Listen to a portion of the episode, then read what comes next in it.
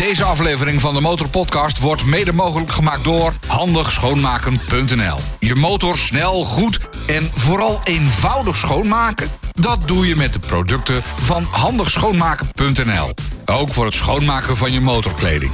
Kijk op handigschoonmaken.nl. De mensen zijn gastvrijer dan, dan je denkt. Want, wij lezen hier in de krant... Ah, de Iraniërs zijn eh, een moeilijk volk en Turken moeilijk. Nou, als je daar bent, is het alleen maar politiek. Het was een motorclub, was daar ook. En stevige jongens. En we don't like your country, but we will help you. Dat doen ze dan weer wel. De motorrijders onder elkaar. De Motorpodcast. Passie voor motoren. Met Dennis QC en Peter Kroon. Aflevering 54 van de Motorpodcast met zometeen een gast... die op de motor terug is gereden naar zijn roots... Daar heeft hij een paar maanden over gedaan op een toch relatief kleine motor, slechts 650 cc. Zeker 10 landen heeft hij doorkruist. Hij heeft motorpech gehad onderweg en uh, heeft dagen moeten wachten op nieuwe onderdelen. En hij ontdekte tijdens zijn reis dat het beeld dat je van meeste landen te zien krijgt op televisie zelden of nooit klopt. Onze gast is uh, door zijn Back to His Roots trip uh, een beetje bamboe gaan leven. en hij zal zometeen zeker uitleggen wat dat precies inhoudt. Maar eerst in de nummer 1 podcast voor motorrijders en motorliefhebbers. De Motormomentjes. De Motorpodcast. Gratis in je favoriete podcast app. Dennis? Ja, ik ben veel weg geweest. Ja, een, een eindeloze lijst van... Uh, ben ik geweest Brabant, lekker over de Utrechtse Heuvelrug... Zondag staat er een lekkere rit over uh, de Zeeuwse eilanden op het programma. Dus, maar ook flink verregend. Ik dacht laatst van ja, even tussen de buitjes door. En dat, dat lukte aardig. Maar tot de laatste bui niet meer ophield. Uh, toen was ik echt tot op mijn naad uh, zeik en zeiknat. Maar goed, het is, het is lekker rijden. En de vaste luisteraar weet dat ik accuproblemen heb. Ik heb goed nieuws, jongens. Nieuw er zit een nieuwe accu in. Ja, dat, Eindelijk. Dat werd tijd, ja. Altijd uh, aanduwen elke keer. Nou, ja, ik, heb in, ik, heb inmiddels uh, even de motor uh, schoongemaakt weer met de foamer van... ja. ik noem het oneerbiedig wel eens de plantenspuit, maar... De foamer. De foamer van handigschoonmaken.nl. En ik had het nog maar net gedaan of er komt een of ander vliegend beest over. Iets van een duif of zo. Ik weet niet wat die beesten eten, maar daar, daar komt iets uit. Dat is... Ik kon gewoon weer opnieuw beginnen. Het was, Meteen de foamer weer gepakt? Ja, het, het, was, het was er wel weer zo af. De, de stront. Handig, hè? Laat het schoonmaken. Laat ik het zo maar zeggen. En um, dan zaten wij allebei tegelijk in de bioscoop. Ja, dat is waar, ja. Uh, per puur toeval. Uh, om daar te kijken naar een soort motorgerelateerde film. Toch enigszins. Ja, snelheid, pk's. Snelheid. Het was de film Top Gun met uh, Tom Cruise. Wat met, vond je ervan? Uh, toch voor mij een, een, een, punt van ergernis. In deze punt van ergernis? Een punt van ergernis. Maar wat vond je van de film? Dus, wat ik zeg, een punt van ergernis. Vertel wat nu weer. Had alles te maken met. Uh, nou, in het verleden hadden we natuurlijk ook een Top Gun film. Um, uh, 30 jaar geleden. In de oude Top Gun film. Daar rijdt uh, Tom Cruise zonder helm op een gegeven moment over een startbaan. Naast een vliegtuig. Zonder helm met alleen een dun zonnebrilletje op. En dat zonnebrilletje blijft gewoon zitten. Nou, dat kan niet. Nee, special effecten. En in deze film weer. Hij rijdt wederom op een snelle motor. Uh, niet naast een vliegtuig. Maar hij gaat vrij hard. En dan draait hij zijn hoofd een kwartslag. Ik denk, dan, dan waait zo'n zonnebrilletje weg ja, zonder helm. Ja, ja, maar, uh, en bij Tom niet. Tom Cruise kan alles. En die kan ook aan vliegtuigen hangen en aan de Burj Khalifa. Dus, uh... Nee, maar dan, dan denk ik, en dan zijn de andere effecten vast ook nip. Maar een mooie motor trouwens. Volgens mij een Kawasaki. Echt een uh, start ding. Oké, okay, ja. Dat, Correct me if I'm wrong, maar ik vond het en een goede film en een mooie motor. Dus heb je nog niet gezien, ga Top Gun 2 Maverick kijken. Ja, ik vond hem aanraden. Absoluut waar. Maar ja. de bril zou afwaaien. en dat, dat blijft bij mij dan hangen. Waar jij al niet op let, waar jij al niet op let. Ja, dat zijn details. Dat, dat heb ik nog mee. De motor podcast. We moeten nog even terugkomen op aflevering 52. Elektrisch ja. motorrijden is ook een hele hoop over binnengekomen. We hebben echt de halve motorgemeenschap Niet normaal. Wij maken eindelijk een keer de lang verwachte uitzending over elektrisch rijden. En uh, toch gingen een heel groot aantal van jullie daar flink los op. Uh, ook in diverse Facebookgroepen. Hoe konden we dat nou doen? Elektrisch rijden hoort toch niet? Bla bla bla bla bla. Maar toch, uh, de verbrandingsmotor voor auto's uh, gaat er mogelijk in 2035 uit. Dus ooit zullen we wel moeten. Ja, sorry jongens, we zullen toch een beetje naar het elektrisch rijden toe moeten. Ik hou er ook niet van, maar uh, nee, we moesten hem maken, de aflevering. Eenmaal aangeschafte ja. motoren mag je houden, geloof ik. Zo met, is het, met de zo verbrandingsmotor. In 2034 dus. nog een dikke motor kopen en dan lekker oprijden. Dan, dan komt het allemaal goed. We, we hebben veel post gekregen op de uitzending Mark, de beginnende motorrijder. Maar daar komen we straks op terug. Daar waren, hadden jullie ook een duidelijke mening over. Dus dat straks bij de post. Dan nu snel naar onze gast. De Motorpodcast. Achter het vizier van... Achter het vizier van Hans Go. Hans, Welkom. Dank u wel. de vraag die wij altijd als eerste stellen aan al onze gasten is...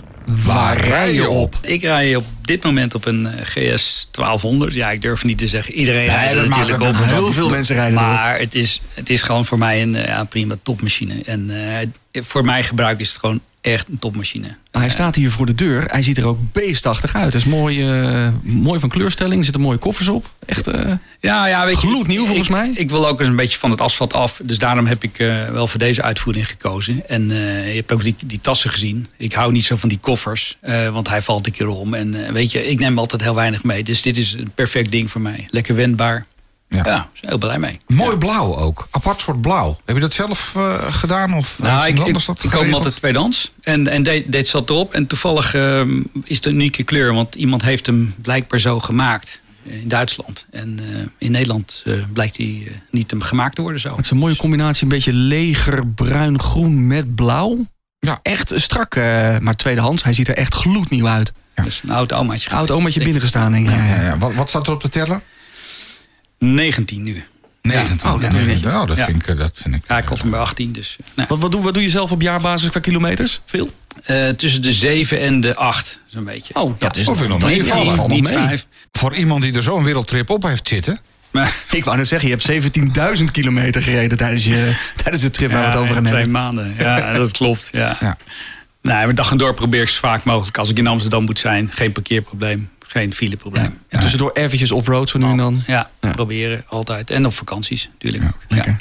Laten we naar jouw trip toe gaan. Je hebt echt een bijzondere trip gemaakt. Je bent uiteindelijk, ik zei het net al in mijn inleiding... eh, going back to your roots. Je bent helemaal naar China gereden. Dat is me even een... Ja, ik wil zeggen pokkenend. Maar Van Nederland via Duitsland, Oostenrijk, Slovenië, Kroatië, Servië, Bulgarije, Turkije, Iran, Oezbekistan en China. Sla ik nog een paar landen Je over staat voor het gewoon gemak. landen over, maar dan- 65 dagen, 17.000 kilometer. Ja, ja dat, dat klopt. Gewoon joh, die A27 af, A59, A73 En gewoon doorrijden. en doorrijden. Ja. En we- meteen de eerste vraag van een luisteraar, Luitinke vroeg, en dat vroegen wij ons ook af. Waarom? Nou ja, ik, Hoe ben je op die idee gekomen? Nou ja, ik, ik, ik ben eh, gefascineerd door de motorrijden in het buitenland. Eh, al sinds mijn achttiende. Eh ik rij ook sinds mijn achttiende. Maar het is er nooit van gekomen. Dit soort grote trips. Dat had ik ook nog nooit eerder gedaan. Eh, en dit heeft er altijd in gezeten. En ja, mijn vader is Chinees. En mijn moeder is Fries-Gronings. En eh, op een of andere manier hadden mijn broers en zussen zelf iets. Nou, laat maar doen. Ik had zelf drie jaar in, eh, in eh, China gewerkt en gewoond. Dus ik, ik ken het land een beetje. Ehm, en toen is dit gekke plan gewoon ontstaan. Ja, want China, ja, in, in mijn beleving eh, bestond dat land voor, laten we zeggen, eh, eind jaren 70, 79, 78, eh, bestond dat land gewoon niet. Toen, toen had niemand het over China. En nu is het een, eh, een economische wereldmacht met een, met een economie die zelfs groter is dan van Rusland. Dus ja, eh, China, ja, dat is gewoon. Ja, ik heb in 93 eh, eh, tot 96 voor Unilever daar een ijsfabriek opgezet. Onwijs leuk. En, en dan woon je daar gewoon drie jaar met kinderen en vrouw en een hele mikmak erbij. En zo, dus het reizen, dat is er gewoon inge, ingeslopen. Want vanuit China kon je heel makkelijk naar Mongolië, Korea, Indonesië, Nieuw-Zeeland. En dat hebben we heel veel IJs gedaan. uit- in China, dat hebben ze toch zelf wel? Ja, maar eh, niet zo goed als, eh Ah, Oké, dus uh, Ola. lekkere, lekkere. Ja. Natuurlijk. Ja, ja, ja. Speciaal voor de Chinezen. Ja. Maar ben je dan de, de, de, de Chinese taal ook machtig, enigszins? Ik spreek het een beetje. En Ja? daar sprak ik gewoon met mijn staf eh, Chinees. Huistuin en keuken. Maar onderhandelingen deed ik altijd met een eh, gast erbij. Oké. En dan voerde het een heel stukje op. En dan was ik boos op hem. En dan verloor hij zijn gezicht. En waar zij weer heel opgelaten. Nou, we hebben Ah, enorm ja. gelachen. Ja. Kijk, dus dan, dan, heb je het ook, dan weet je ook een beetje hoe die cultuur in elkaar zit. Want ja, als je daar naartoe gaat. Ik zou echt niet weten hoe ik het aan moet pakken. Het Maar is goed, een vrij gesloten land ook. Absoluut. Absoluut. Maar ik zou je wel zeggen, eh, Peter, toen ik daar was. we mo- Je moet daar een gids aan boord hebben, verplicht. Mhm. Ik sp- sprak zogenaamd geen Chinees. Want op het moment dat ze weten dat je wat spreekt, dan mag je ook dingen regelen. Dus ik sprak geen Chinees, maar ik hoorde wel wat er gaande was. En ik begreep wat er, ge- wat er gaande was. Maar hij mocht het eh, lekker oplossen. Maar als je een, een, een, een, eh, een gids bij je hebt. Krijg je dan wel het echte China te zien? Of, of is dan toch een beetje de gedachte die ik ook heb bij wat je bij Noord-Korea wel eens hoort. Dan moet er iemand mee en dan krijg je alleen maar de plekken te zien die eh, absoluut goed zijn voor propaganda. Hoe zit dat in China? Nou, we beginnen aan het eind inderdaad. Maar kijk, dat geval met de Oeigoeren, dat is gewoon echt erger dan we denken. Wij hebben het gewoon aan de lijve gezien. En eh, ik zal verder niet in details treden. Maar hij probeerde ons daar wel een beetje weg te houden. Maar je ziet het gewoon op straat, daar kan je niet omheen. Ehm, hij kan je wel naar de grote ehm, gelegenheden meenemen. Ja, ja, dit is een mooie tempel en daar moet je naartoe en dan gaan we erheen. Maar op een gegeven moment zeiden we van ja, we willen daar naartoe. Zeiden nah, road close maybe en ze not maybe not, zeiden wij. En we reden gewoon door en dan kom je toch op een mooi plekje en eh, gewoon even doordouwen. Dus Oké. het is niet zo erg als Noord-Korea. Nee, maar de, de gids gaat ook op de motor. Die Nee, rijdt- nee. die- nee, we waren in een. eh, mijn zus en ik waren op de motor. Dus zij reed op, ook op een 650, ik op een 650. En mijn twee broers reden een auto achter ons aan. Mhm. Ehm, ja, want die, die, ze kunnen ook motorrijden. Alleen ze zeiden, ja, het is wel een hele lange zit. En eh, nou ja, gewoon een auto. Prima. Ja. En hij is toen in die auto gaan zitten. Met die broers. Ook Oké. al lang best. Dus jullie zijn met een kleine caravan, twee BMW 650 Ja. En een busje. en een busje uitgaan. met z'n vieren die kant op gegaan. Ja. Wil je nog meer horen van onze gasten? Word dan vriend van de Motorpodcast. Kijk op demotorpodcast.nl. De- de- Neem ons, want je hebt het op een zondagmiddag bedacht met je, met je zus. Van nou, we gaan de zijderoute rijden. Dat, Ja. is, dat is, ik heb het even opgezocht op Wikipedia. Een netwerk van karavaanroutes door Centraal-Azië. Waarlangs gedurende vele eeuwen handel werd gedreven. Tussen China en het oosten van Azië aan de ene kant. En het Midden-Oosten en het Middellandse Zee aan de andere kant. Yes. De zijderoute was de belangrijkste verbinding tussen Oost en West. Dus je bent hier gestart en naar het oosten gereden. Ja, ja want, eh, want zoals je weet loopt de zijderoute van Siaan naar eh, Beeldhoven. En, eh, maar de Chinezen moeten toch wat in Beeldhoven? al- al- al- ja, een wereldstad. Maar ehm, nee, het is, eigenlijk is die corridor, die, die, die breedtegraad is heel belangrijk. Want daar gingen legers overheen, zijden, handelswaren, religies, ideeën, wetenschap. En dat, dat weten wij allemaal niet. Dat besef je allemaal niet. Maar als je een boek van Peter Frankopan leest erover... dan gaat er wat voor je open. Het is een van de belangrijkste routes geweest in de wereld ooit. Dus ja, de zijderoute bestond toen nog niet. Die, is gewoon, eh, die naam is later bedacht. Maar het was een hele belangrijke eh, route. Dus eh, ja, vandaar. Legendarisch. Voordat je vertrekt, hè, want je hebt het idee van we gaan de zijderoute rijden. Ergens begin je met voorbereiding van deze reis van Ja. 17.000 kilometer. Ja. Waar begint de voorbereiding? Nou, in, voor, voor mij in mijn hoofd eh, al, eh, al jaren daarvoor. Maar eh, twee jaar daarvoor begonnen de plannen te smeden. Maar eigenlijk zes maanden daarvoor begon het... Moeten we niet gewoon even de route wat beter bekijken? En begon, hey, wat gaat er eigenlijk mee? Dus zes maanden van tevoren begonnen eigenlijk echt met plannen. Dat is heel, heel raar wat ik zeg. Maar zo was het wel. Alleen mijn broers, en, want zij zij hebben twee artsen en één eh, docent. En die moesten vrij nemen, dus die moesten sparen twee jaar. En ik ben gewoon een vrije jongen. Ik ben interim manager. Dus ik, eh, ik zeg gewoon mijn opdracht op en ik ga weg. Dan ga je dat uitzetten. Neem je dan een tom-tom met een wereldkaart eh, mee? Of eh, ja, Ja, weet weet je- die route, ja. Ja, weet je, ik, ik, eh, op internet staat alles. Dus via Google zit je alles te bekijken. Maar laat je niet te verrassen. Want eh, sommige weggetjes die lijken gewoon ja, bereidbaar. Maar die zijn bijvoorbeeld afgesloten. Of het is eh, winter geweest en de pas is dicht. Dus je moet altijd ook even kijken eh, of de weg open is. En het andere is, we hadden ook eh, Maps.me. Maps.me. Dat is een, een offline map die je kan, eh, plan, eh, kaart die je kunt laden. Van al die routes onderweg. En ik had natuurlijk gewoon de backup van de gewone kaarten. ja. Ja. Het is altijd gewoon een globaal plan. Maar als we pech zouden hebben, en dat hadden we een paar keer, dan konden we afsnijden. Dat hebben we dus gedaan in Iran bijvoorbeeld. Toen zijn we niet naar eh, Persepolis geweest. Dat is een van de mooie eh, historische plek. Ja, die moesten we laten schieten. Want we hadden in eh, Armenië hadden we gewoon drie dagen oponthoud. ja. Ja, pech jongen, man. Echte pech. Ja. Ik, ik las het in je boek. En dan zit je te wachten op onderdelen. En die komen dan niet. Ik- Ik zou daar doodnerveus van worden. Ja, ja, maar dat is wees bamboe, hè? Dat staat ook in het boek. Weet je, er komt dus het rust over je. Ja. En ehm, eh, eh, overigens waren we wel heel blij dat het geregeld was. Hè? Want eh, in Armenië gaat, belt dan iemand op en die kent iemand in Duitsland, maar die werkt in Nederland. Die kon het wel kopen en die vliegt dan, maar dan moesten wij het ticket betalen. Binnen een dag was het geregeld. Dus je had iemand geregeld die ging vliegen met het onderdeel Ja. voor jou naar jou toe. Ja, Dat was de makkelijkste manier om aan dat onderdeeltje te ja, komen. ja. Jeetje, Ja. man. En waar hebben we het over? Geen verteeldorpje. Nee, nee, een, een, een kering, eh, een ring in, eh, ja, bij, de, bij de schakelas eh, van de. Een kering. Ja, kering, gewoon echt zo suf. Maar noodzakelijk. Maar Dus- noodzakelijk. ja. Voor je het weet heb je een vastloper. En, eh, ja. Dus we hebben, maar die BMW's waren gewoon prima. Want we hebben nog 150 kilometer met die, die zooi doorgereden. Ehm, die heeft prima gehouden. Ja. Is dat ook de reden waarom jullie voor deze motoren hebben gekozen? Dat was ook een vraag van, van de luisteraar. Van waarom juist deze motor? Nou, wij hadden het idee lekker simpel. En dat is het ook. kan weinig stuk aan. Ik, ik had nog wat andere dingen die hebben we gewoon gerepareerd onderweg. Maar dit onderdeel was zo specifiek. Dat is gewoon vette pech. Ja. En, en, waren dat nieuwe, nieuwe BMW 650? Uh, uit 2004 toen. Dus uh, eh, 14 jaar oud. Want we okay. hebben in 18 uh, dit gereden. Ja. Oh, dat is dan best wel... Uh... Ja, gewoon, gewoon prima dingen. Die hebben het gewoon echt goed gehouden, moet ik hm. zeggen. Ja. En als, ik, ik heb de route hier voor me. Die staat in ja, overigens prachtige boek. Het boek heet Wees Bamboe. Dus, en er staat ook... Uh, je kunt hem bekijken en bestellen via weesbamboe.nl. Dus mocht je geïnspireerd raken door deze podcast, uh, check dat even. Je begint in Nederland, hè, dan komt Duitsland, Oostenrijk, Slovenië, Kroatië. Nou, ergens een landje in China. Uh, wanneer werd de route voor jou soort van spannend. Van nu worden de wegen wat slechter, de, de, de omgeving wordt anders, de, de politie gaat je minder behulpzaam zijn. Wanneer begint dat avontuur? Nou, het, eigenlijk al als je. Bij Venlo. Uh, nee, voordat je Limburg binnen. Nee, nee, eigenlijk als je Oostenrijk voorbij bent. Ja. Want dan, uh, wij, wij kwamen bijvoorbeeld bij Slovenië, rij je een parkeerplaats op. En er zijn dan een heleboel ja, uh, ja, mensen die dan gewoon geen huis hebben. En die dan gewoon daar een beetje rondzwerven.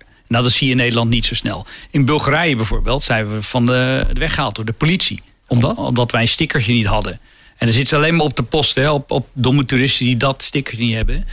Dus, maar waar het echt, echt anders wordt, is denk ik als je dan Bulgarije uitkomt en Turkije binnenrijdt. Want dan, uh, dan wordt het ook echt, echt anders. En, en vanaf dat punt wordt het echt, echt anders. En wat is, wat is dan het verschil? Anders dan taal of temperatuur of de... Uh, de geuren, de, de straatbeelden. Uh, je ziet veel meer moskeeën in, uh, in Turkije. Um, dat soort dingen. Want in Bulgarije lijkt nog wel een beetje op het, op het westen. Zo'n soort Oostblok lijkt het op. Um, maar vanaf dat punt wordt het echt anders. Ja, en, en, maar ook de mensen zijn gastvrijer dan, dan je denkt. Want, want wij lezen hier in de krant... Ah, de Iraniërs zijn een moeilijk volk en Turken moeilijk. Nou, als je daar bent, is alleen maar politiek. Als je daar bent, ik had pech... En ik reed daar rond en ik had een lekkende carburateur. Of een lekkende radiator. En uh, nou, je weet, dan moet je er wat ingooien. En dan, uh, maar ik moest wel een motorzaak vinden. En die vond ik uiteindelijk in een achterafsteegje. En daar waren dan een paar van die... die uh, nou ja, het was een motorclub, was daar ook. Ja, en stevige jongens. En stevige jongens. En die gingen dan die nacht gingen ze rijden naar hun brothers in, in Armenia. Oké, okay, en, ik je ook even mijden. En we don't, we don't like your country, but we will help you. Dat doen ze dan weer wel. De motorrijders onder elkaar. Ja, natuurlijk. Oh, dus, dat is toch wel mooi. Dus, en dan kreeg ik nog een Turks vlag. Hey, dan moet je op je motor binnen mee naar China rijden. Ja, meneer. Ja. nou, het waren gewoon zulke gasten, man. Ja. ja. Maar ze helpen je wel. Ja. Maar denk, hoe, hoe, hoe, kan je dat veranderen, dat beeld? Want wij krijgen natuurlijk best een eenzijdig beeld dan mee... door, door of nieuws of verslaglegging of internet of whatever. Ja, eh, reizen. Je ontmoet echt mensen die gewoon... Eh, die mensen willen ook lachen, hebben een gezin... en die zeggen, waar kom je vandaan? En heb je een gaatje in je hoofd, China, en waar ligt dat? Gewoon leuk. Ja. leuk. Ja. Um, nou zei je, of tenminste eh, in je boek staat van... Het, het, beeld dat wij van veel landen hebben door de televisie... dat, dat klopt 9 van de 10 gevallen gewoon niet. Kun je een voorbeeld geven? Nou, ik denk Iran, hè, daar hebben wij toch een apart beeld van. Wij krijgen die informatie soort van toch wel eenzijdig, vind ik. Want als je daar rijdt, iedereen nodigt je uit voor lunch. Iedereen zwaait ook naar jou. Uh, willen selfies nemen op de meest gekke momenten. Willen een praatje maken. Je wordt uitgenodigd bij ze thuis. Je, je, kan ook niet weigeren. Dat is echt wel een heel gastvrij land. Alleen die, die heersers daar, nou dat zijn dus al grijze kerels, uh, die die beheersen dat land gewoon. En uh, die, ja, ik, ik ga me niet politiek uitspreken, dat mag ieder voor zich doen. Maar ik vind het wel heel triest als je zo eronder gehouden wordt. Super aardige lui. En heel erudiet, want het zijn geen Arabieren. Iraniërs zijn Persen. En, die, uh, en iedereen die, uh, die spreekt, die kan Hafez, een dichter, kan die gewoon citeren. Uit de 12e eeuw. Nou, dan moet je hier aankomen. De, ja. Dus ze zijn hele ontwikkelde mensen allemaal.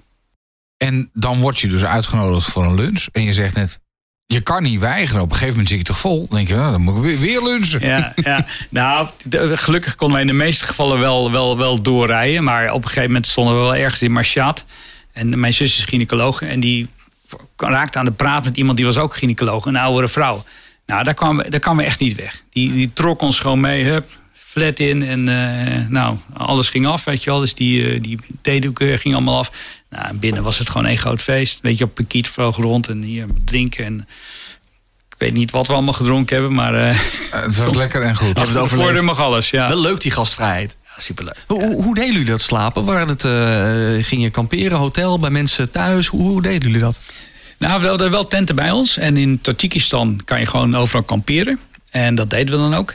Maar soms zijn die ehm hotelletjes zo eh, goedkoop. Nee, dat heet homestays. En dan slaap je bij mensen thuis voor 10 dollar per, per neus.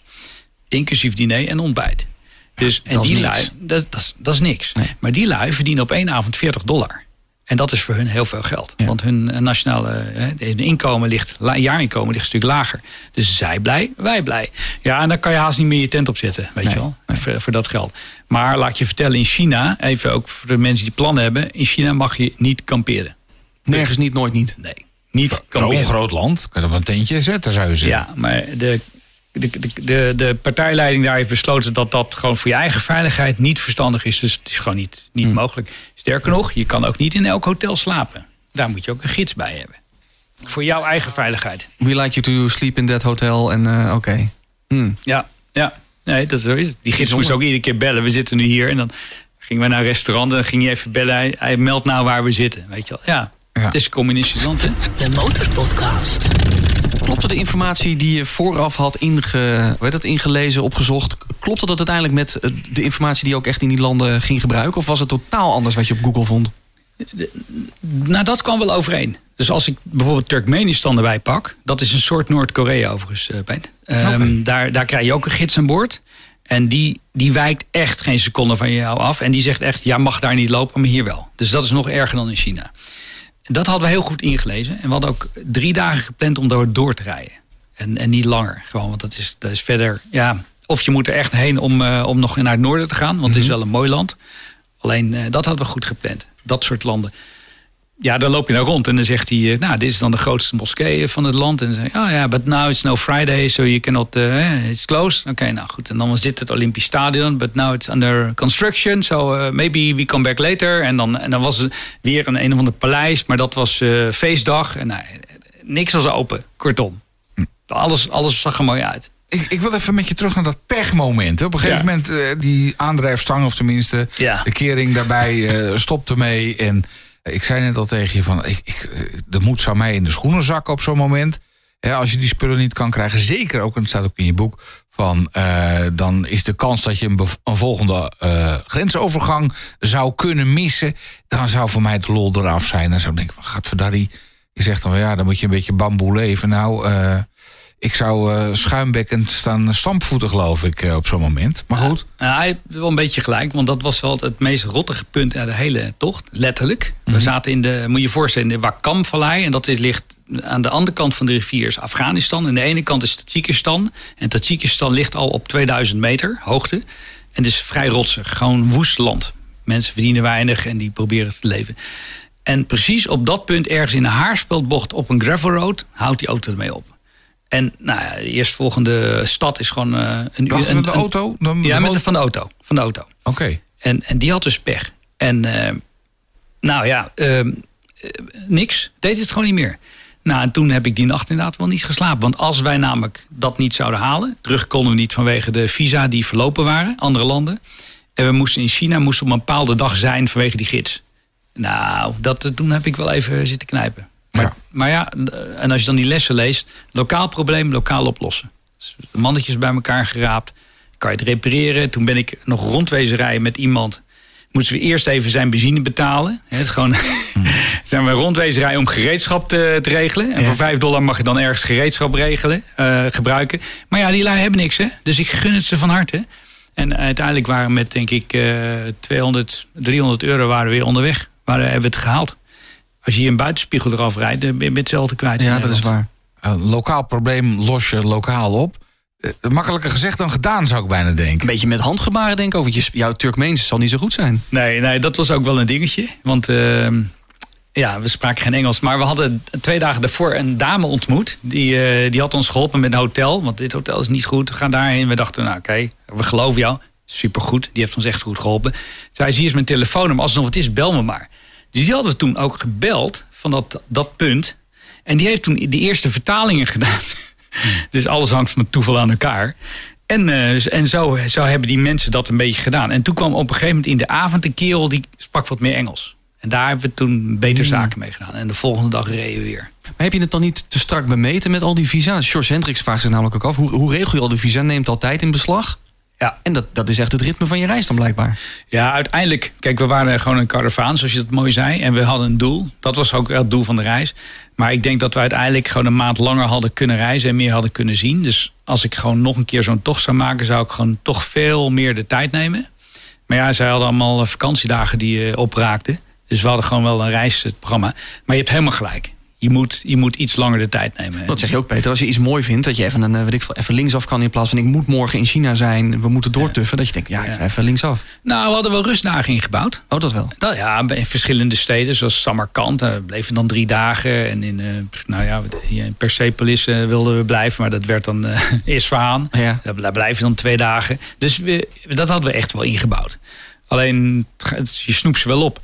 Even over die visa. Um, wij zijn ongeveer, want dat was volgens mij ook iemand die wilde weten hoeveel geld ben je kwijt. Nou, ja. uh, je bent duizenden euro's kwijt. Met z'n vieren waren wij ongeveer 14.000 euro kwijt aan visa, inclusief gids.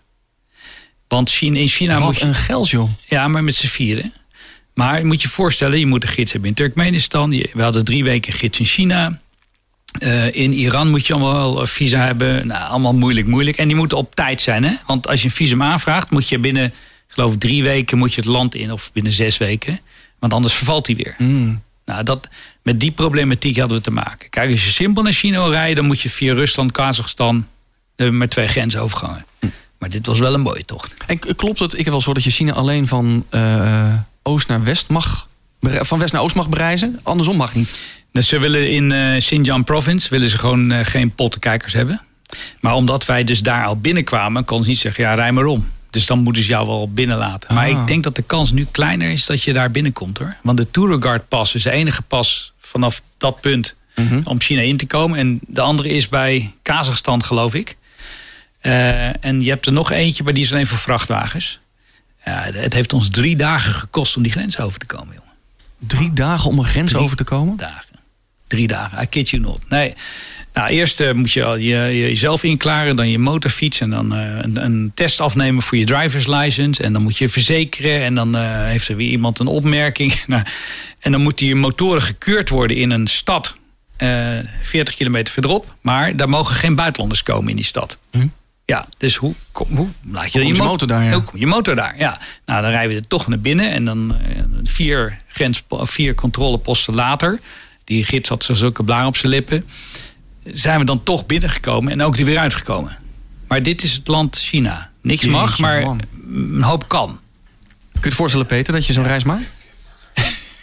Ik krijg het er benauwd van. Kijk, op zich vind ik die afstand prachtig. En de dingen die je beschrijft, die je gezien hebt, denk ik van nou heerlijk. Maar dat gesodemieten eromheen, nog los van die pech.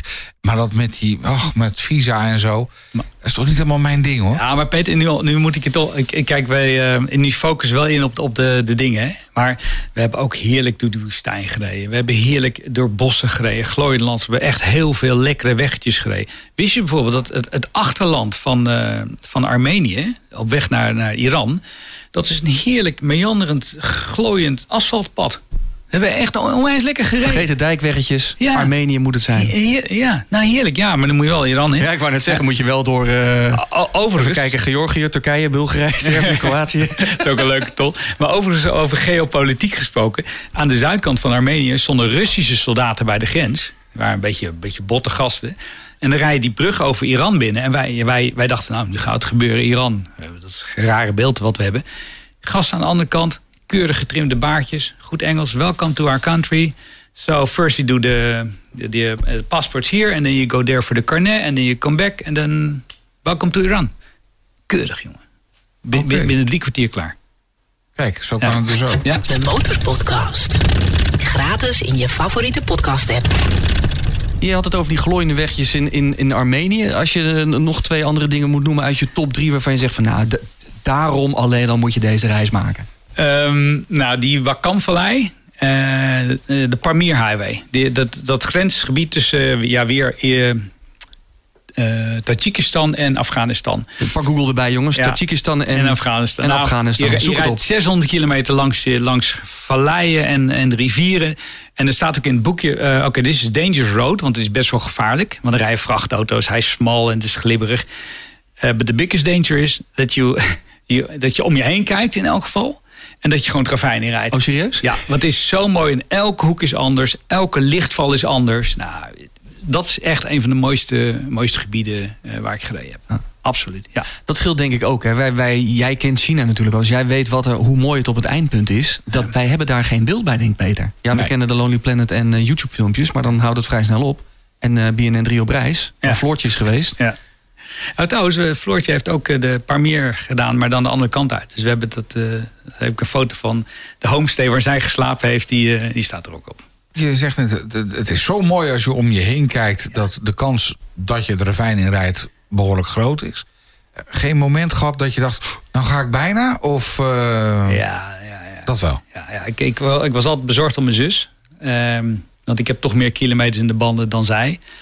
Ehm, maar er waren wel een paar van die weggetjes die aflopen naar een ravijn. En ja, glibberig gewoon. Dus, dus je hoeft maar een beetje stuurfouten te maken. Dus ik zei tegen haar altijd gewoon aan de bergkant rijden. En als er een auto komt, stop je aan de bergkant. Je gaat niet uitwijken. Huh, laat hem maar uitwijken. Gewoon, ja, een beetje, een beetje gewoon hap. Ja, Ja, verstandig. Ja, Zijn ze überhaupt motorrijders gewend daar? Of is het een beetje een fenomeen? Eh, ja, ja, je bent wel een fenomeen. Eh, maar ze- er rijden wel meer mensen op de motor langs. En ook avonturiers, op, ook in gewone auto's. Die rijden er ook. Ehm, maar iedere keer als je stopt, dan zeggen ze... Oké, eh, nice, nice, where are you from? Oké, how, how much? En dan wijzen ze op je fiets. En dan zeg je gewoon, ja, 2.500 dollar. Want eh, hij is eigenlijk vier. Maar dat, dat, ze verdienen daar gewoon 2.500 per jaar. Als, als jaarsalaris. Dus dan, ja, het is wel een verschil hoor. Dus Ja. waar je wiegje gestaan heeft, dat maakt toch wel heel veel De motor is enorme rijkdom natuurlijk. Ja, en, en, da- en dat geeft ook aan als je weer terug bent in Nederland. Ja, wat zeuren wij hier nou, weet je wel? Wat zijn nou onze problemen? Ja, Nooit, je- nooit een moment gehad dat je dacht van nou, ze gaan er met mijn motor vandoor als dat ding een jaarsalaris waard is. Nou, we hebben wel eens een steen aan ons hoofd gehad en, eh, en eh, corrupte politie en eh, mensen voor ons gingen staan. Maar nee, nooit echt. Je had het net over 14.000 euro voor al jullie visa. Eh, we hebben het gehad over 65 vrije dagen. ja. De totale, het totale budget van de reis. Waar moet een reiziger aan denken die nu denkt van... nou, ik wil ook naar China. Onderweg valt het mee, hè, de, de kosten. Dus ik heb dat eigenlijk niet in extremo zo berekend. Maar je moet je voorstellen als je voor een tientje per nacht kunt slapen, of in de tent. eh, benzine is in de meeste landen spot goedkoop. Ben je niet zo heel veel kwijt. Dus eh, minder aan leefkosten dan wat je in Nederland kwijt bent. Dus als je je, je huur opzegt en je gaat eh, rijden. eh, ja, dan zijn alleen die visa wat, eh, wat moeilijk. Maar kun je ons een schatting geven van, van wat, ben je, wat was jij kwijt voor deze reis? Nou ja, gewoon eh, dus, dus 14 gedeeld door dus 2,5. En eh, ik denk, ik denk zo'n beetje 6, 7. Want de, oh ja, we hadden de motoren en de auto's hadden we terugverscheept vanuit China. We gingen niet nog eens een keer terugrijden. Die hebben we gewoon eh, via een eh, voorwaarder gewoon naar Holland laten verschepen. En dat was ook even uit mijn hoofd 2000 dollar of zoiets. Oké. Zoiets. Ja. Ja, dat was ook een vraag van Jesper. Van wat, wat deed je op, Ja. bij aankomst? eh, Ja. Op het vliegtuig dus. Ja, wij in Of hebben wij trein. gewoon een, gewoon een shipper geregeld. En wij zijn toen met de bullet train naar Peking gegaan. En vanaf daar met het vliegtuig naar huis. Je had niet terug willen rijden? Nou, ik wel, maar de dagen waren op. En dan had ik eh, via een andere route terug willen rijden. En ik had eigenlijk, en mijn zus en ik keken elkaar bij Kashgar aan. Van nou, hier, ja, hier eindigt die Karakoram Highway. En die gaat naar Pakistan. En, en, en ja, weet je Zullen we, wel. zullen we, zullen we? Zullen we- zullen we- Ja, ja, ja. Dus, dus zij heeft ook, eh, ze is ook zo, zo, zo gek als ik. Dus eh, dat vindt ze ook wel leuk, ja. Ja, ja dat kriebelde wel, ja. Dus er komt een tweede tocht die dan onbeperkt is. En die ga je dan doen met allemaal andere freelancers die eh, eh, onbeperkt, of tenminste lang weg kunnen blijven zonder dat ze op hun vakantiedagen moeten letten. Ja, ja, ja. er komt zeker een tweede tocht. Nou, ik, eh, volgend jaar ga ik met een vriendje in India rijden, een paar weken. Dat is een kerel die over kwam vliegen, even om in Iran hoi te zeggen. Maar hij had zelf, had hij op zijn achttiende, een tocht van Nederlanders uit eh, Afrika gedaan. Zelf, in zijn eentje. Dus dat is ook zo'n zo'n gast. Ja, ik, er komt een tocht en ik denk dat, eh, dat ik dan langer de tijd neem. Dat, eh, ja, zeker. Maar ga je dan verschepen of ga je van hier dan ook naar India? Nee, dan, dan gaan we, wil ik wel rijden, want ik ken nu de route. Eh, er zijn een paar oorlogsgebieden, dus je moet wel een beetje omrijden. Maar je, je kunt heel makkelijk via Turkije, Iran en dan Pakistan uh, kan je zo naar India. Heb je trouwens Mitchell en Nadia gevolgd van de Great Ride Along? Die zijn inmiddels ook op reis. Dat mag in vergelijking met jouw reis geen naam hebben. Die zijn nu in Frankrijk geloof ik aangekomen. Derde land. Die ken ik even niet, de Great uh, nee, we hebben eerder met, met Mitchell en Nadia aan. Die, uh, die uh, hadden minder kilometers in de banden zitten dan jij. Maar nou, die zijn heel weinig heel weinig. Ze hadden net een weken rijbewijs. En die zijn nu een wereldreis aan het maken. Dus ja. Krak. over voorbereiding gesproken, ja. Wauw. Ja. Maar weet je, ieder, je kan het. Je moet gewoon je hersens gewoon gebruiken en inschatten. Dus, dus het, je kan het gewoon echt. Ja, daar had ik toen ook mijn vraagtekens bij, hoor, toen ze dat zeiden. Maar goed, ik, ik, ik vind dit, wat jij hebt gedaan, ook nou ja, fenomenaal. Ook omdat het spannende landen zijn, weet je. Iran, ja, dus, dan kom je ook terug op het beeld wat wij daarvan hebben. Vrienden van mij zijn ook in Iran op vakantie geweest. Die zeggen, ja, het, het, is echt heel anders dan dat je je voorstelt. Maar dan ga je nog gewoon vliegen, heb je een hotel. Hier ben je wel op jezelf en je motor aangewezen, je reisgezelschap. Ik zou het beste onderneming vinden, ook omdat ik zelf helemaal niet technisch ben. Dus als er wat ja. gebeurt, moet je vertrouwen op de lokale hulp. Jawel, maar de, een paar dingen kan je gewoon wel zelf detecteren en zeggen, nou oké, daar zit hem in. Maar ja. ja. Kijk, die radiator die had jij ook gewoon kunnen doen. Hup, gewoon uh, vloeistof erin en ja, uh, doorrijden. Ja, weet je wel, ja. ja. Dutch Minion en her bike, en ik heb die vraag zelf ook. Um, die vraagt zich, stelt zich uh, dezelfde vraag. Wat neem je allemaal mee? Of wat eigenlijk neem je niet mee? Zo min, je neemt zo min mogelijk mee. Da, laat ik dat gewoon voorop stellen. Ik had letterlijk zo drie onderbroeken bij me. Maar elke dag had ik eens gewoon een onderbroek aan. Je, je, hebt er gewoon niet tien nodig. Dat is echt onzin. echt zo min mogelijk. Um, ja, onderweg heb je gewoon een rijzetje en een uitgaanszetje. Ja, je, je, bent niet naar, je gaat niet naar de disco elke avond, weet je wel. Dus uh, zo min mogelijk, gewoon. En wat je ook ziet is dat lokaal, als je echt iets nodig hebt, dan koop je het even lokaal. De, de spullen die je op de camping meeneemt naar Frankrijk, hè, die, die zouden wel eens op zo'n tochtstuk kunnen gaan. Dus je moet even naar een goede winkel, weet je wel, even goede spullen.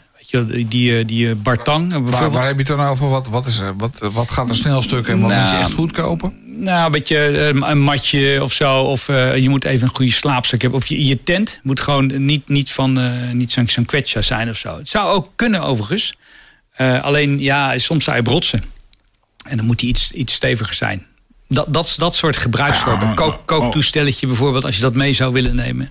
Maar in de meeste landen kun je gewoon uh, voor heel weinig ergens, uh, ergens ja, eten. zeggen, dan ga je toch niet zelf uh, de piepers zitten jassen? Daar, nee, maar als je, als je in Tajikistan ergens zit. En som, maar ja, sommige lui gaan ook naar Afrika. Of die gaan echt op drie, vier dagen in, de, in de bush zitten.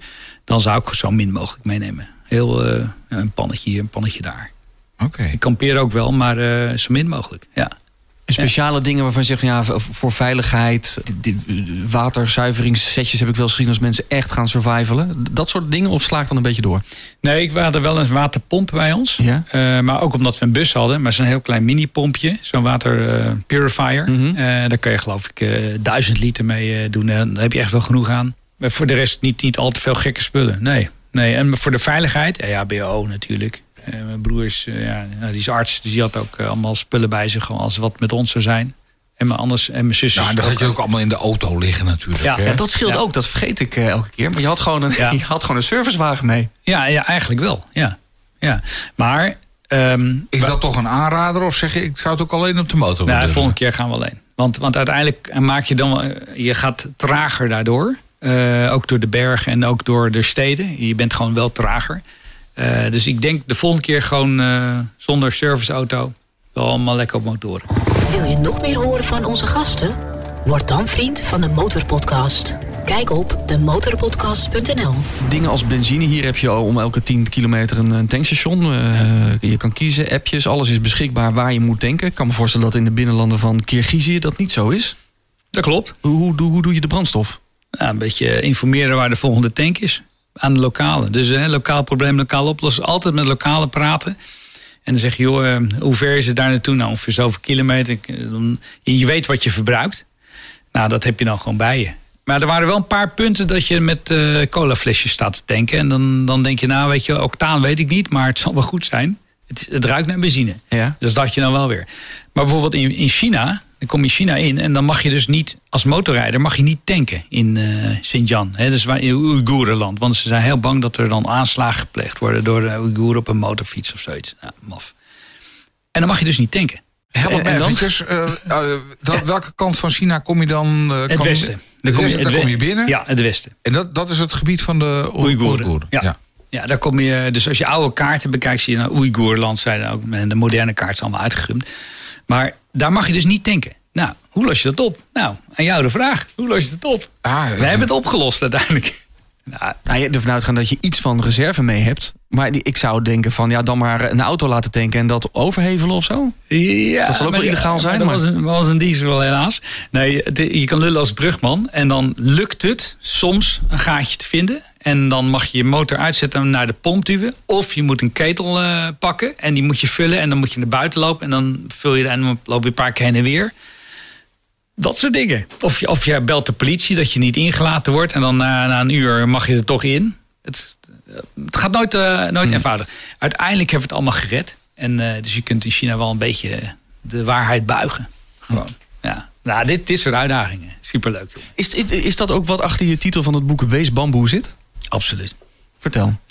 Nou, die drie dagen dat wij de grens over moesten. Nou, dan komt een of andere mafkees en zegt... Nou ja, ja, eh, de car is dirty. En dan weet je gewoon... Hij zoekt gewoon wat. Niet in discussie gaan. Je pakt die eh, doeken en je gaat die, die car schoonmaken. Nou, dan is hij uitgeluld. Na vijf minuten is hij uitgeluld. Want die, ja, oké, nu is stof weg. Oh, not dirty. Oké, oké. eh, we need sticker. Oké, je hebt sticker. Ja, where? Hier, hier, hier, hier, hier. Nou, dan moet je zo'n reflector erop op plakken. Ook gedaan. Eh, en dan verzint hij weer wat nieuws. Maar uiteindelijk is hij zo moe met jou dat hij zegt: Nou, rij maar door. ja, dus, dus, dus je moet gewoon echt bamboe zijn. Ja. En, eh, en Meebewegen en niet breken. ja, en als we de grens ook over moesten, dan ging, mochten de motoren mochten dan door en de auto werd moeilijk gedaan. Dan stopten wij de motoren gewoon een beetje midden gewoon op de weg. Dat het gewoon een probleem was en dat mensen last van hadden. En doorrijden, nee, weer together. En dan lachen en dan bamboe meebuigen. Ja, en op een gegeven moment was je, nou, rij maar door, wegwezen. Dat er nog zoveel plekken op de wereld zijn, ja, aan de ene kant is het ook wel logisch, maar dat er nog zoveel eh, corrupte mensen en ook eh, politieagenten zijn dan blijkbaar. Is dat gewoon een centenkwestie? Dat is gewoon, je merkt dat ze weinig geld hebben. En dat ze dan denken van, ah, er zijn een paar eh Europeanen. Nou, kunnen even... Nou, we hebben verrassend weinig echte corrupte lui meegemaakt. En meestal zeggen ze, je niet een insurance. En dan betaal je dus 10 dollar en dan krijg je een papiertje mee. En dat is gewoon helemaal geen insurance. Maar wat, dan krijg je wel een papiertje mee. En in Kirgizië zijn echte corrupte agenten. Die houden je tegen en die beginnen gewoon onmiddellijk te soebatten. Dat is ook zo'n mooi verhaal. Op een gegeven moment eh, hadden wij die kapotte bus. Dus we wilden naar Osh rijden. En eh nou, werden we tegengehouden. Moesten betalen en nog een keer betalen. En toen... Ja, blijkbaar hadden we te veel betaald. Dus wij in Osh waren bij die garagehouder. En die eh, vertelde dat verhaal. Hij zei, oh, je hebt te veel betaald. Ik ken die hoofdagent en laat maar. Ik regel het wel. En die ging begon te bellen. En eh, een paar uur later stonden wij in een van de achterafstraatje. En ik kreeg geld terug. Oké, serieus? Ik kreeg geld terug. Toen kwam hij daar, zo- zonder zijn badge, en, maar wel met zijn gun en in een t-shirt. En eh, zijn baas erbij. En eh, nou, allemaal in het Kirgiz te praten. En toen kregen we hier terug. En maar we moesten die beelden moesten we vernietigen van de dashcam. Want daar hadden we natuurlijk beelden gemaakt. En, eh, maar we kregen lokale terug. Dus ik zei, jongens, we hebben een we- een les geleerd. En we hebben heel eh, slechte koers gehad met wisselen. Dus eh, maar laten we doorgaan. Wees Bamboe. En wees bamboe. maar wat nou het echte onrecht is, dus wij denken van nou, dit is gewoon heel vervelend. Maar het echte onrecht is, wij zitten hier weer in het paradijs. En hij zit nog steeds mensenzakken eh leeg te kloppen. Ja, dat is, is gewoon triest. Zie je Ja. dat echt zo? Dat, Ja. dat, dat wij in het paradijs zitten en dat... Ja, het is daar minder qua geld, zou je zeggen. Maar absoluut. Wij, dit is echt een paradijs. Als je daar geweest bent en je ziet waar die, hoe die wiegjes gestaan hebben. Ik doe er een beetje laconiek over, maar ze hebben echt heel weinig. Waarom drinken ze daar geen, eh, geen cola? Ja, het is, dat is er gewoon soms niet. In die, in die Pamir Highway is er gewoon niet. Wij- Je loopt een winkel in hier. Ze hebben echt hele andere problemen. Ehm, ja, wij, eh, nou gaat het regenen, moeten de tuinkussens naar binnen en zo. Weet je, dat zijn onze problemen. We- ons wiegje, dat is- mensen beseffen, ja, ik ben tot dat inzicht gekomen. Dus iedere keer als ik nat geregend word, dan zeg ik, wat is mijn probleem eigenlijk? Ja. Straks is het weer droog. Gratis water. Zo kun je het ook zien, ja. Omdenken. Ja. Ja. dat is echt wel een van de... Want je hebt een heel aantal levenslessen... Ja, min of meer gekregen door deze reis. Hè? Want behalve het bamboe zijn, het meebewegen... eh, het is wel een beetje boeddhistische instelling zo langzamerhand. Van eh, laat het komen zoals het is en laat het gaan zoals Nou, het nee gaat. hoor, kijk, ik ben, ik ben gewoon een econoom en ik doe eh, commerciële zaken. Dus ik ben echt niet naïef. Maar ehm, je moet ook niet klagen. Dat heb ik ook van mijn ouders meegekregen. Je moet gewoon uit het leven halen wat erin zit. En je moet een goed mens zijn. Dus ik kan het jou beter doorgeven. Dus als ik jou voor laat gaan in het verkeer, dan denk je, nou, ga, dan laat je hem misschien een keer voorgaan. Maar als ik je afsnij, dan snij je straks hem misschien af. Uh, ja, jij bepaalt het gewoon. Nou, is dat nou zo erg? Ja. Het, het, klinkt Ja. mooi. Ja. ja, zo is het toch. De Motorpodcast. Les 3, begraaf je ego, vind ik ook wel een mooie. Ja, dat was ook wel een verhaal. Ik, kijk, ik, ik heb ook in Dubai gewoond en gewerkt. En eh, nou, ik banden leeg laten lopen woestijn. Dus ik had redelijk wat ervaring, dacht ik. Maar dan rij je op zo'n weg en dan is een gravel. Maar er zit ook, eh, ook ja, stenen als tennisballen. Nou, jij noemt het nog een weg. Ik zie hier een foto met een soort van... eh, Gaten in de eh, weg. een gaten. Ja, het het is zand en een paar stenen en een paar plassen. De- jij noemt het een weg, ja? Ja, want aan de, aan de zijkant er groeit gras. Ja, dat is zie je toch wel. Ja. Hier hebben ooit mensen gereden, ja. Mensen gereden. Maar jij dacht, je moet wat eh, eh, uit de, de Ja, banden. ja, ze hadden de lucht eruit laten lopen, maar het reed voor geen meter. En we dansen alle kanten uit. En mijn broer die zei in de auto van, ja, jullie moeten nog wat lucht eruit laten lopen. Ik zei, ja, dag, weet je wat weet jij nou van? Na een paar kilometer, nou, nog, hup. En toen deden we dat uiteindelijk, nou, ik geloof 20 kilometer verder. En toen ging het prima. Want ik dacht natuurlijk, ja, je rijdt straks je velg kapot op die stenen. Maar eh, wonder boven wonder ging alles gewoon goed. En toen zei ik, ja, Paul, je hebt gewoon helemaal gelijk. Ehm, ik had naar je moeten luisteren. Dus als je in een bedrijf zit en de jongste bediener zegt... Hey, waarom doe je het eigenlijk zo? Dan, kan je zeggen, joh, eh, rot op. Of je kunt zeggen, hoe zou jij doen? En waarom zeg je dat? Nou, eh, vaak heeft hij on- ongelijk natuurlijk. Maar soms zijn het hele Ja. goede tips. ja, maar, maar dus dat was het moment dat ik zei van... Paul, je hebt gewoon helemaal Ja. gelijk. Ja. Heeft dat groepsrijden je niet eh, enorm eh, negatief beïnvloed? Had je niet zelf ook je eigen plan willen en kunnen trekken? Ja, maar niet negatief beïnvloeden. Het Oké. heeft op, op bepaalde punten wel dat ik dacht van ik wil harder rijden. Of ik wil toch die detour maken. Dat kan ik. Maar je, je we hadden afgesproken, we gaan als karavaan gaan we die kant uit. En we komen veilig aan. Dat was de strategie. En dat hebben we gewoon uitgevoerd met z'n allen. Hm. Ja, de, maar er waren momenten dat ik dacht van eh, gas open. Ja, maar dan... eh, Toch met de groep en toch eh, rustig aan. ja, Ja, ja. ja, ja. We moeten zo nog even de 100.000 euro vraag doen. Hè? Dat Yes. gaan we even voorleggen. En de post. Wat Ja, oh man, de post. We hebben binnengekomen. Zometeen nog meer levensles en avonturen van jouw eh, post. Ja, de aflevering met Mark, aflevering 51. Die heeft heel wat eh, losgemaakt. Jij als luisteraar hebt daar wat van gevonden. Dat hebben we geweten. De mailbox stroomde over. Volgens mij heb ik jullie allemaal een reactie teruggegeven. Maar even kijken, Lennart die schrijft... Normaal gesproken vind, word ik altijd erg vrolijk voor jullie podcast. Maar jullie gast Mark in aflevering 51. Man, man, man. Is dat nu het effect van de nieuwe generatie opgegroeid met social media... en twee jaar covid achter de rug? Of is Mark gewoon een beetje simpel en bijzonder vol van zichzelf? Ja, het, was een, eh, het is een sportieve beginnende motorrijder. Brian die zegt ook vanaf dag 1 luister ik elke aflevering. Maar ik moet zeggen dat de laatste podcast, dat is dan aflevering 51... eigenlijk jullie slechtste uitzending was. Niet zozeer door jullie, maar meer door de negatieve instelling van Mark. Eh, hij is het totaal niet eens en hij vindt het alleen van toepassing op, eh, op Mark. Alles bij elkaar vindt hij hem een slecht voorbeeld voor de motorrijder... en vooral voor nieuwe motorrijders. Nou, wij, wij hebben zelf ook wel een mening gehad over Mark. Het is een beginnend motorrijder en wil niet zeggen dat... eh, althans wat mij betreft niet elke motorrijder zo is. Maar hij is eh, sportief en we vonden het wel eh, zo sportief ook... om zo iemand een keer aan het woord te laten. Constant die schrijft dat hij baalt dat we hem een podium hebben gegeven. Ja, ja, wij promoten dat rijgedrag ook niet constant. Maar ja, Mark is nou eenmaal zo'n motorrijder. En even kijken, Dennis Boer die schrijft... hele fijne podcast, alleen jammer dat jullie niet bij Podimo zitten. Ik heb even gecheckt. Podimo is een betaalde eh, podcastdienst. Volgens mij kun je, als je betaalt, ons daar gewoon beluisteren. Daar verdienen wij alleen helemaal geen ene cent aan. Doe dat vooral. Maar je kunt ook gewoon eh, gratis naar de podcast, eh, de Motorpodcast luisteren. En je kunt vrijwillig vriend van de show worden. Want eh, voor vrienden van de show maken we speciale extra afleveringen en bonusmateriaal. En je helpt ons natuurlijk met de Motorpodcast maken. En ik moet even dank zeggen aan de vele nieuwe vrienden met kleine en grote bedragen. Dank dat je ons steunt. Daan, Kessels, Robin Kaput, Jinte, Jente, Eskine, Jorren Motor Sublime, James, Bram, Rutger, Gino van Andel, Sebas 5, Tim Nuigens, Matthijs Nokkert, Erwin Rijmert, Ritchie en Remy87. Allemaal enorm bedankt eh, voor jullie steun. eh, En jullie krijgen straks nog een extra nabrander. De Motorpodcast. Gratis in je favoriete podcast app. Op een gegeven moment ben je dan echt in China. Door het Oeigoerenland heen. Ja, en dan ben je ineens midden in China. Voor mij is dat nog steeds een eh, bijna niet tastbaar land. Het, ja. Vertel, wat, wat, wat is daar te zien? Wat gebeurt er dan? Nou, wat, wat wel- opvallend is, is dat het asfalt daar prima is. Dus eh, eh, je hoeft daar niet een offroad te hebben. Je, het is daar heerlijk rijden. Ook op de zijwegen, is prima rijden. Dat is, dat is dat eerste. En het tweede is, eh, het verkeer is, is redelijk gedisciplineerd. Alleen soms zitten echt hele grote suffers bij die echt niet opletten. Maar je rijdt langs steden en langs landschappen, dus woestijn, bergachtige landschappen. Maar op een gegeven moment zie je gewoon de Chinese muur. Dus de resten van de Chinese muur helemaal in het westen. We, we- ja, we kennen dat bij Peking, weet je, dat is mooi opgebouwd. Maar dan rij je in het westen en wij rijden, eh, volgens mij ook een foto van, gewoon dwars door de Chinese muur op een gegeven moment. Want die gaat gewoon door het landschap en die snelweg, ja, die moet hier lopen. Gat in de muur, snelweg. De, nou, dus je rijdt langs dat soort dingen en dat is gewoon eigenlijk bijzonder maf. Ja, En, en kan je dan, dan bijvoorbeeld... eh, Ja, ik kan me voorstellen dat als je dan in de buurt bent van de Chinese muur... dat je denkt van, nou, ik zet even de motor neer.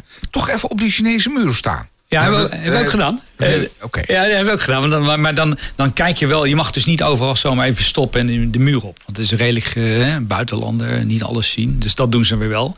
Hoewel wij de randjes opzochten. Maar wij wilden naar het, het, het fort gaan, wat het meest westelijke was voor China. Want dan kwamen die barbaren binnen. En als je dan een heel groot fort bouwt, dan is iedereen onder de indruk. En dan word je niet aangevallen. Dat, dat dachten de Chinezen.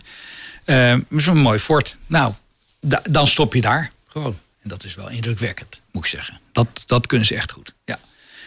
Ja, en, En wat is dan echt zo'n beetje de meest mooie plek van, van China? Wat je echt zegt van, nou... nou, dat was een pareltje eigenlijk. Want wij waren, we hadden de hele dag gereden. En die gids zei, ja, dan gaan we nog naar één tempel. En wij zeiden, rot op met je tempel. We willen aan het bier. En we willen allemaal... Eh, maar echt moe gewoon. Je wordt ook moe van het rijden. Want ja, die Chinezen doen maar wat. En eh, nou, allemaal gaaf gast hoor. Maar Ja, ja. je, je snapt wat ik bedoel. En nee, we moeten heen. En toen reden we dus naar een plek. En dat is dan een rotswand. En daar waren eh, gaten gemaakt met, met trappen daarlangs. Dat was echt wel heel hoog. En wat was nou de grap? Dat, dat was nog helemaal intact gebleven. Want in die culturele revolutie hebben ze al die tempels gesloopt. Maar deze was moeilijk bereikbaar. En dan zie je die gasten van... Ja, laten we die slopen. Ja, maar is wel hoog. Ja, ja laten we een andere slopen. Dus die was, die was gewoon heel goed. En dat soort pareltjes, dat vond ik wel heel erg, erg mooi. Ma- Mai Jishan of zo. Dat is het staat in heel weinig boekjes. Dus er waren ook heel weinig Westelingen, heel veel Chinezen. Eh, nou, dat soort pareltjes. Ja, want dat is natuurlijk wel zo. Je komt ook omdat je het land wat, al wat beter eh kennen natuurlijk. Maar je hebt zo'n gids. Je hebt een, een andere, een andere reis dan normaal mensen die naar Peking gaan en daar de, de highlights bezoeken. Je, je ziet de andere kant van China. Ook al heb je zo'n gids die je wat beperkt. Maar je ziet de meest bizarre mooie plekken natuurlijk. Ja, ja en, en hij is, hoe, hoe meer we naar het oosten gingen, hoe verder uit Oeigoerenland kwamen, hoe relaxter hij werd. En toen zeiden we ook van, nou, we willen dit, die tour maken. Nou ja, fruit en maar en zo, prima. Maar even nog die andere vraag voor jou. Dus als je naar het terracotta-leger gaat in Xi'an, dat is dan een hoogtepunt en zo. Nou, eh, je moet acht rijen Chinezen eh, dik moet je bevechten om, om, om iets te kunnen zien. Dus dat is dan minder leuk. En dan is zo'n Heel toeristisch. Heel toeristisch. Ja. Ja, dan is- Ja, en dan is zo'n tempeltje veel leuker. Eh, ook Ja. achteraf beroemd tempeltje. Nooit van gehoord, weet je wel. Nou, we gaan het er zo meteen nog even uitgebreid over hebben in de, in de nabrander. Speciaal voor de vrienden van eh, de Motorpodcast. En zo nog een verhaal over geheim agent. Ben ik ook nog wel benieuwd naar. Ja, Oh, dat, ja, eh, ja, oh, ja, die zal ik- zal ik zo- ook- Zometeen in de nabrander dus in ieder geval. Maar is even iets totaal anders tussendoor. Hè? Ik bedoel, eh, dit waren natuurlijk hele vieze weggetjes. En eh, je bent nu op een hartstikke schone motor hier naartoe gekomen. Neem aan dat je tijdens de China-reis de motor niet echt schoon hebt gemaakt. Maar eh, hoe reinig jij je motor? Nou, dat doe ik sporadisch, moet ik bekennen. Eh, meestal is het eh, de voorkant. Vanwege hè, alles wat erop waait. De muggen. Ja, en, en ik ben eigenlijk een heel klein beetje lui. Dus ik, ik, ik doe het eigenlijk gewoon met warm water. En dan laat ik het een beetje inweken. En dan, eh, dan spuit ik het schoon. Dus ik, ik doe niet speciaal eh poets ik mijn motor. Hij ziet er wel brand en brandschoon uit. Ja. Alsof hij uit de showroom eh, komt. Ja, maar de, de- hij is nog niet zo oud. Ah ja, oké. Je gaat niet met, een, met, een, met, met de Nee. foamer van handigschoonmaken.nl even lekker... eh, Nou, ik zit wel te kijken of, of ik eens een keer mailtje moet gebruiken. Want eh, ook die, eh, ja, het is wel mooier en het is behoud van je motor. Ehm, dat dus ik wel naar te kijken nou. Mocht je nou zitten te luisteren, mocht je denken... ja, ik heb ook een hekel aan schoonmaken. Ik zou dat op een handige manier willen doen. Onze sponsor, handigschoonmaken.nl, die hebben een startkit. Er zit van alles en nog wat in. De foamer.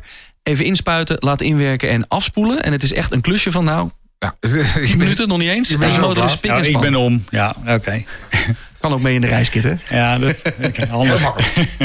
Top. En dan die 100.000 euro, Hans. de Motorpodcast. 100.000 euro voor je motorliefde.